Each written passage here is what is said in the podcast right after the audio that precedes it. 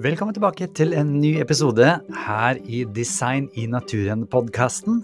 Jeg heter Chris Duve, og jeg vil bare minne deg på at du kan ta hele kurset her helt gratis med 38 forskjellige eh, informasjonsvideoer som da er lagd en podkast ut av, hvis du går inn på chrisduve.no og klikker deg inn på Design i naturen-kurset.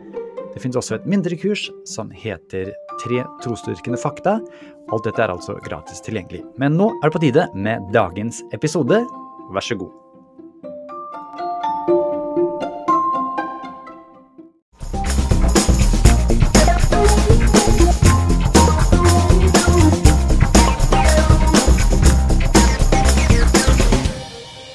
Ja, lurt. Dere er hjertelig velkommen til modul nummer ni.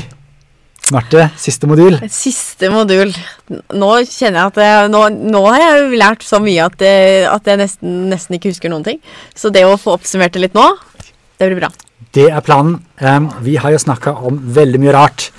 Og uh, ikke bare at universet er en begynnelse osv., finjustering fra minikurset, men vi har snakka om livets begynnelse. Vi har snakka om mikrobiologi, alt det fantastiske i cella. Mm. Vi har snakka om fossiler, eksplosjoner. Vi har snakka om ikke-reduserbar kompleksitet Mhm. av forskjellige som må fungere sammen, som f.eks. sommerfuglen som vi hadde i forrige leksjon. Ja. Vi har snakka om mennesker. Em, vi har hatt om veldig mange forskjellige ting.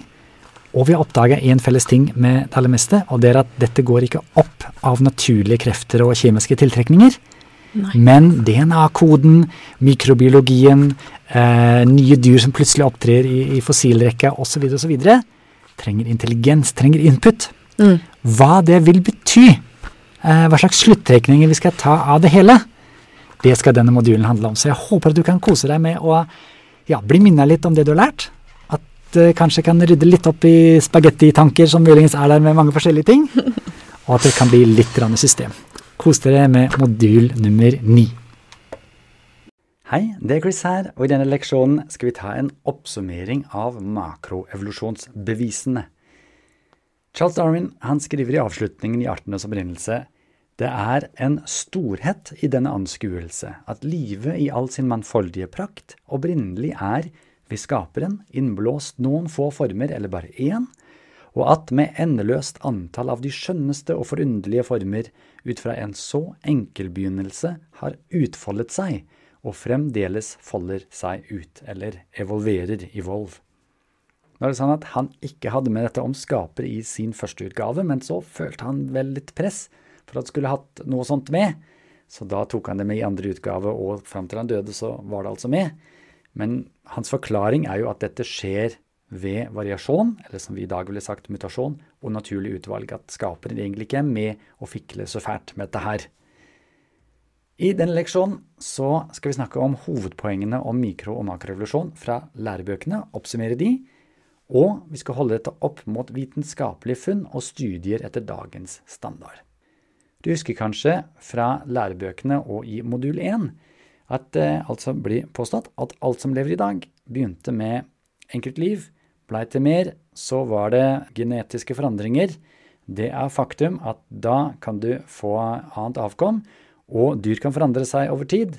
Fossiler, DNA, embryologi, homologi og flere ting viser at dette er fakta. Vi har jo sett på saken, og nå kommer det altså en oppsummering. Så Spørsmålet er hva viser forskning om makroevolusjon? Og Vi begynner øverst på venstre siden. Denne lista ser litt voldsomt ut. Ikke vær redd, vi tar det steg for steg. Det ble påstått at ingen seriøse miljøer stiller spørsmål til makroevolusjon.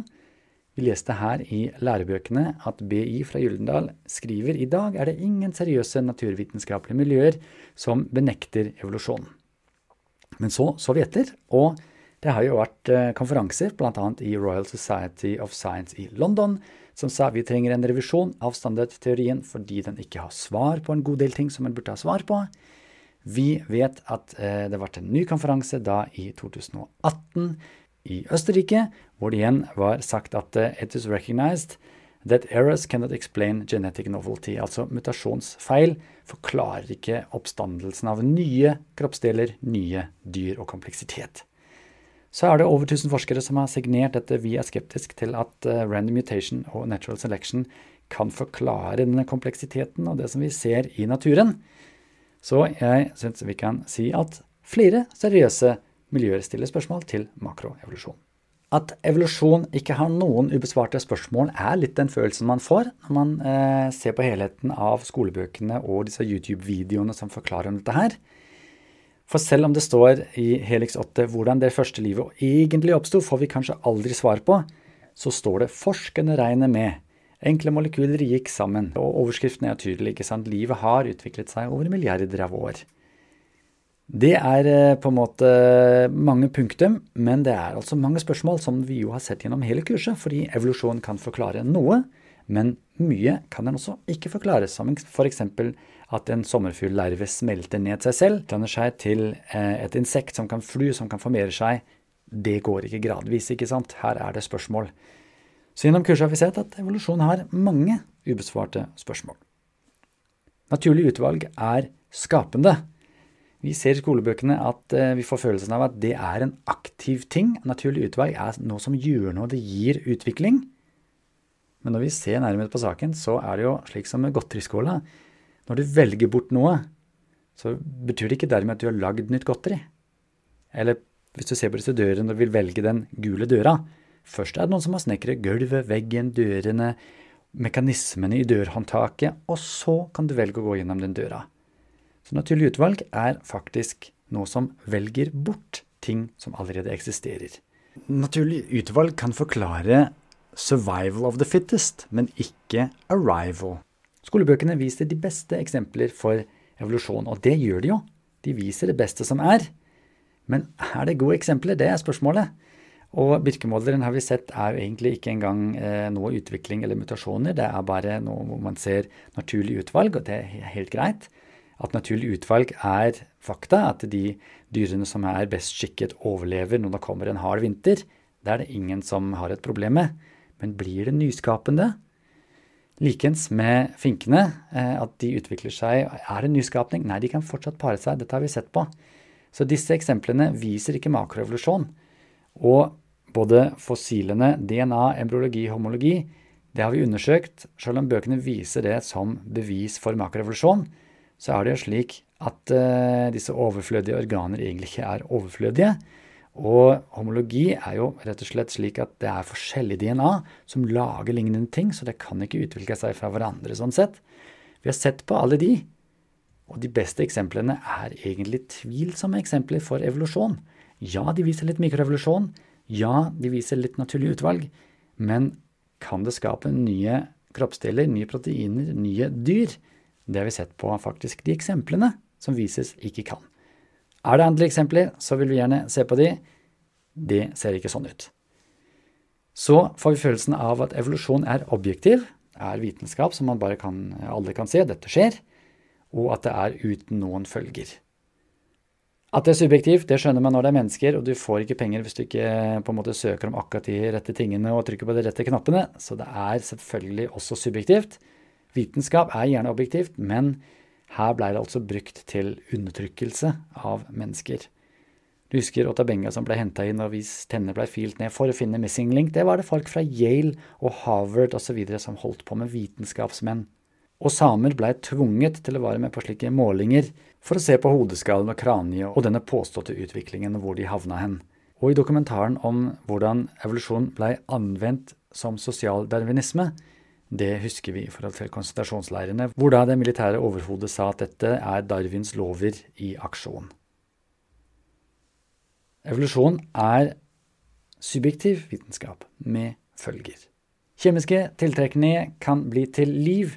Det ser vi med det stadig gjentatte eksempelet fra um, Uri Miller i, fra 50-tallet, som i utgangspunktet ikke viser det det skal, fordi det er bare en stor blanding av ting, og enkle aminosyrer av venstre- og høyrehendte blir det ikke liv av. Så får vi lese at enkle molekyler organiserer seg, får ei hinne rundt og blir til celler. De blir cellereplikerende og lager komplekse ting. Men det vi egentlig har sett, er at dette ikke går opp. De kjemiske tiltrekkene er ofte frastøtende, pluss at det bryter ned over tid, pluss at den hinna trenger jo sluser og maskiner som gjør at dette ellers så dør ting inni. Så kjemiske tiltrekninger, kan de bli til liv? Nei, det er nok heller planlagt konstruksjon som har en mulighet for å lage liv. For til og med, sier James Store, hvis jeg gir deg alt som har abicella, alle delene, samtidig, med ei hinne med, som fungerer, blir det heller ikke liv. Dette må fungere sammen med en gang, ellers så dør det. Fossiler at de er, viser en gradvis utvikling, at uh, her går steg for steg uten noen problemer. Det får vi lese i lærebøkene, og også om menneskelig evolusjon med tilleggsmateriale som man blir henvist til fra BIOS 2 på menneskene. Men det som egentlig er fakta, er at det plutselig kommer nye dyreformer. Vi har snakka om over 30 slike eksplosjoner, hvor det plutselig dyr blir til uten noen dyr som leder opp til det gradvis. Også når det gjelder menneskeevolusjon, så plutselig er homoarten til stede på jorden, og ingenting som leder opp til det. Har vi ikke funnet fossilene? Jo, vi har funnet nok til å kunne si at dette er en nokså komplett eh, sak, og vi kan ikke lenger si at vi kommer til å finne, vi kommer til å finne. Så fossiler viser at det er eksplosiv tilblivelse, at det er slike hopp i det som vi ser av fossiler. Mutasjoner lager informasjon. Det ser vi i skolebøkene. Det er evolusjon som har drevet fram tilpasningene, og nøff på bi her ser du bildet av sant, fisk osv. oppover. I biologi fra Gyldendal får vi lese at mutasjonene kan være endringer i enkelte basepar eller deler av arvemateriale som blir duplisert eller faller bort. Og det er tydelig at det er mutasjoner som gir nye anlegg som ikke fins hos foreldrene, som da kan forarves videre. Men når vi så på hva mutasjoner egentlig gjør Ja, de kan bli til fire vinger, men fluen kan ikke fly lenger.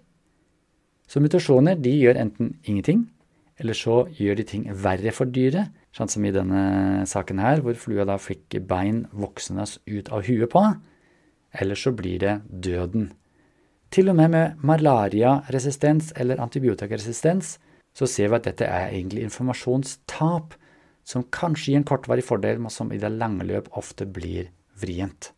Så mutasjoner de lager tilpasning, ja, men ofte problemer og død.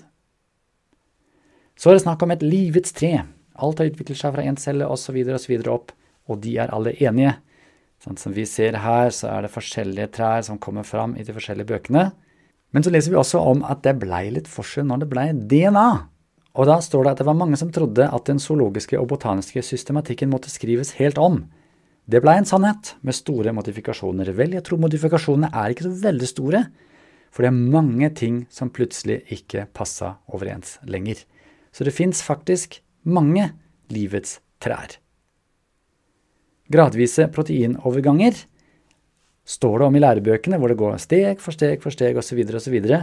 Men Douglas X har forska på det, at proteiner de kan du ikke bare forandre litt og hit og dit og få et nytt fungerende protein. Så gradvise proteinoverganger er ikke bare slik at det er få av de, men ifølge Douglas X og Engager så er det ingen slike overganger fordi du kan ikke bare forandre et protein bitte litt og få det til å gjøre noe annet. Det er ikke sånn det funker. Og da funker faktisk ikke evolusjon når det gjelder proteiner. Proteiner bygger jo alt sammen. Så det er en kjempeutfordring. Embryologi viser slektskap, som vi så i lærebøkene her, med de gamle tegningene fra Ernst Heckel, som man faktisk hadde juksa med, man må bare si det rett ut, for det er jo sånn det egentlig ser ut. Så embryologi, det er til slutt noe som viser mangfold. At embryoene alle sammen er på jordkloden, må forholde seg til karbon, til vann, til varme osv., det gjør at det er noen likheter, selvfølgelig, men det trenger ikke å være slektskap. Mikro blir over tid til makro, har vi lest, som i bl.a. Eh, Gyllendal sin utgave her, hvor det står at prosessene som gir mikroevolusjon, gir over tid makroevolusjon. Så leser vi om eksempler for det med f.eks. finkene, som stammer sannsynligvis fra én art, altså ble de annerledes. Men så ser vi til slutt at finkene de oscillerer, de går litt sånn att og fram. Det er tilpasninger, ja, men det blir ingen makroevolusjon. Pluss at i fossilene så ser vi at ting plutselig oppstår med sine rekker, klart før de laga good to go. Og det er en grunn til at finkene ofte ikke brukes lenger for å vise darwinistisk evolusjon. Så mikro blir til tilpasninger, men ikke makroevolusjon. Evolusjon er lik nybygging. Når vi ser på bøkene, så leser vi at i løpet av fire milliarder år har livet langsomt utviklet seg til et enormt mangfold av ulike organismer. Nye ting har oppstått hele tiden over lang tid. Men når vi ser på detaljene, så ser vi at ja, den grønne pila, tilpasningen, den går oppover for et eller annet dyreslag. Men informasjonsgehaltet, altså det som står i DNA, det som gir mulighet for nye ting, det går nedover. Som du husker, så hadde vi brunbjørn og hvitbjørn, og brunbjørnen kan da knekke Og hvis du knekker fargegen i en brunbjørn, så blir bjørnen hvit som en isbjørn. Og det er det som skjer her. Du har ødelagt noe, og da har det gitt en spesiell tilpasning, som du husker Michael Bee fortalte om. Så evolusjon gir faktisk ikke nybygging, men devolusjon. Som er kjempebra for tilpasning, og det er helt supert at Darwin fant ut at det er mulig. Men det gir altså ikke de nyskapende ting. og Derfor har jo folk disse konferansene for å finne nye mekanismer som muligens kan forklare hvordan dette skjer. Så får vi høre at tid hjelper for å øke sannsynlighet og for å hjelpe til med evolusjon. Evolusjon er naturlig utvalg gjennom lang tid. Vi får lese om jordas og livets historie, og at når man undrer seg at det er så mye variasjon, så er forklaringen masse tid. Men så kommer det beregninger på det, og plutselig så har du rett og slett ikke nok tid f.eks. For, for hvalevolusjon, som bare skal ha tatt mindre enn ti millioner år når man ser på fossilene. For bare for å få tre gener til å kunne modifiseres samtidig i en organisme av pattedyr, tar altså mange hundre millioner år, eller opptil en milliard. Og dette eksempelet, hvor den lille hesten tar 54 millioner til å bli til dagens hest, det er den tiden det faktisk tar. Og du husker kanskje disse to flyene som kom fra en felles fly for 48 millioner år siden. Problemet er at det er ikke nok tid i forhold til fossilene for å få til de nyskapningene som er. I tillegg så sa James Tour at ting bryter jo ned. Time is your enemy. Så når du skal lage liv og skal få ei hinne rundt, og du gir plusser på millioner av år, så fins ikke de kjemikaliene på det samme stedet lenger. De har blitt ødelagt for lengst igjen. Så tid er et problem for evolusjon heller enn en mulighet. Tid, det ødelegger og den er for kort for å få ting til. Dette er en slående liste. Vi har sett på eksemplene. Når man ser på ett og sier at ja, men hvis ikke det funker, så er det alle de andre som funker. Vi har hatt en god bredde nå. Og dette er en liste som vi må ta på alvor. Ikke bare fordi lista er sånn som den er nå, men fordi hele kurset har gitt støtte med fakta, med sitater, med vitenskapelige oppdagelser, som viser at dette er noe vi må forholde oss til. Charles Darwin han sier i 1871 ingen med et upartisk sinn kan studere noe levende vesen, uansett hvor lavtstående, uten å bli slått med entusiasme over dets beundringsverdige struktur og egenskaper, som han mener blei til over tid. Men den undringen og det å si hva er det som har skjedd her, der blir evolusjon svar skyldig. I neste leksjon skal vi se på om intelligent design er et vitenskapelig alternativ eller om det bare er en guard of the Gaps. Vi har snakka litt om det allerede, men i denne avslutningsmodulen må vi gå rett på sak. I denne leksjonen har du lært at makroevolusjon i skolebøkene mangler vitenskapelig holdbare bevis, og at det trengs alternative teorier. Da er det tid for action. Kan du huske noen av påstandene fra skolebøkene som viste seg til å være feilaktige eller misvisende? Hva er det du har i eh, tankene, hva er det du kan huske og kan ta med deg fra kurset og videre framover? Hvis du vil øve deg litt på påstander og skolebøker og YouTube-videoer, så kan du gjerne ta den lista som vi har hatt med i denne leksjonen, og se hva du ville sagt om noen kom med en av disse påstandene. Også et litt videre spørsmål. Hvordan kan man invitere mennesket til å tenke? Til å reevaluere sitt ståsted? Når det gjelder makrorevolusjon og, og hva den kan forklare. Eller hvor lite den kan forklare. Hva kan man gjøre for å få mennesket til å tenke nytt? Så nå skjønner du at tanken rettes litt framover. Hvordan blir dette videre med deg og dine samtaler etter kurset? Forbered deg på det allerede nå. Ta med deg det som du vil ha med. Dette klarer du.